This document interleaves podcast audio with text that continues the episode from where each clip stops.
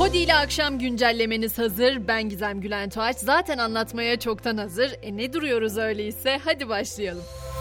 Aslında her şey CHP'nin meclise sunduğu başörtüsü teklifiyle başladı. Bugün Cumhurbaşkanı Erdoğan grup toplantısında tepki gösterdi bu konuya ve çözümü yasa değil anayasa düzeyinde sağlayalım o zaman dedi. Bunun üzerine CHP lideri Kılıçdaroğlu'ndan da eğer arkasında yine kurnaz bir ajanda çıkmazsa her türlü desteğe hazırız yanıtı geldi.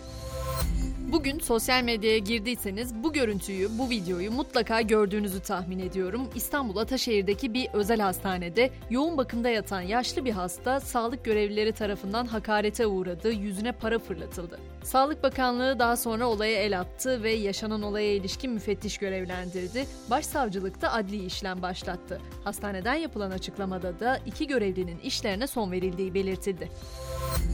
Kamu kurumlarında çalışan yaklaşık 550 bin işçiyi ilgilendiren önemli bir gelişme var. Onu da aktaralım. Bu güzel haber. Kamu işçilerine yemek desteği artırıldı. İşçilerin günlük yemek ücreti 17 liraydı. Bu tutar net 55 liraya çıkarıldı. Şimdi WhatsApp'a gelecek yeni bir özellikten söz edeceğim. Henüz bu özelliği kullanamıyor olabilirsiniz çünkü henüz test aşamasında. Ama WhatsApp bir kez görüntülenen fotoğraflarda ekran görüntüsü alınmasına izin vermeyecek özelliği test etmeye başladı. Bunun amacı kişisel verileri korumak. Bu nedenle tek sefer açılabilen fotoğraf ve videoların ekran görüntüsünün alınmasının önüne geçilecek. Olsun ben yine de ekran görüntüsünü almaya çalışırım diyenler için de şimdiden uyarayım. Karşınıza güvenlik politikası nedeniyle ekran görüntüsü alınamıyor şeklinde bir uyarı gelecek. Rusya-Ukrayna gerilimi ve bağlantılı olarak da Avrupa'dan söz edeceğim. Rus enerji şirketi Gazprom, Avusturya üzerinden İtalya'ya sevkiyatın yeniden başlaması için taraflar arasında çözüme ulaşıldığını ve sevkiyatın yeniden başladığını duyurdu. Öte yandan Avrupa Birliği'ne üye ülkeler Rus petrolüne tavan fiyat getirilmesini de içeren 8. yaptırım paketinde uzlaşma sağladı.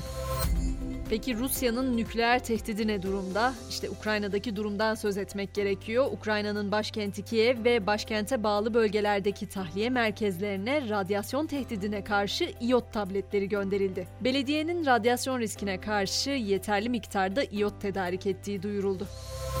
Geçelim satranç dünyasını temelden sarsan o iddiaya. Buna göre ABD'li genç satranç ustası Hans Niemann bazıları para ödülü olan pek çok çevrim içi oyunda hile yaptı. Aslında hile söylentileri daha önceden de haber olmuştu ama chess.com tarafından yayınlanan 72 sayfalık rapor 19 yaşındaki Niemann'ın 2020'ye kadar büyük olasılıkla yüzden fazla çevrim içi oyunda yasa dışı olarak yardım aldığını öne sürdü. Niemann geçen ay dünya şampiyonu Magnus Carlsen'i yenmiş ve bu durum ardından büyük bir şüpheye neden olmuştu. Şu sıralar bir de dizi var ki gerçekten listelerin en üst sıralarında o dizi dünyada fenomen haline gelen Jeffrey Dahmer'ın dizisi. Bu dizi seri katil hikayelerine olan ilgiyi artırdı. Bir TikTok kullanıcısı da dedi ki madem astroloji bu kadar hayatımızı etkiliyor acaba seri katilleri de etkiliyor olabilir mi?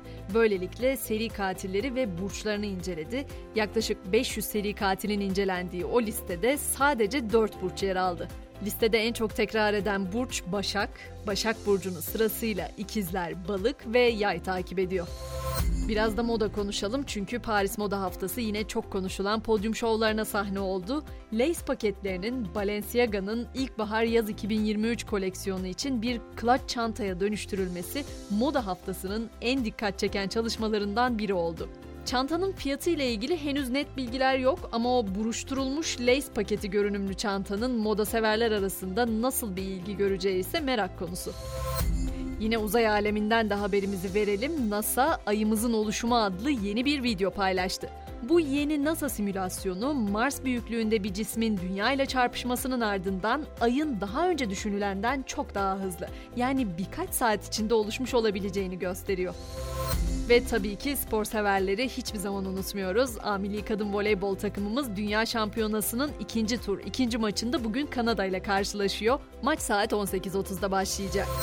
Bir de potaya bakalım. FIBA Şampiyonlar Ligi'nin yeni sezon ilk hafta mücadelesinde D grubunda Bahçeşehir Koleji Bosna Hersey'in Igokia takımını ağırlayacak. Bu maçın başlama saati 19. C grubunda ise Galatasaray Nef saat 21'de Belçika'nın Ostende ekibine konuk olacak. Akşam güncellenmemiz burada sona eriyor ama Podi ile güncellenmek isteyen herkes için biz yarın yine burada olacağız.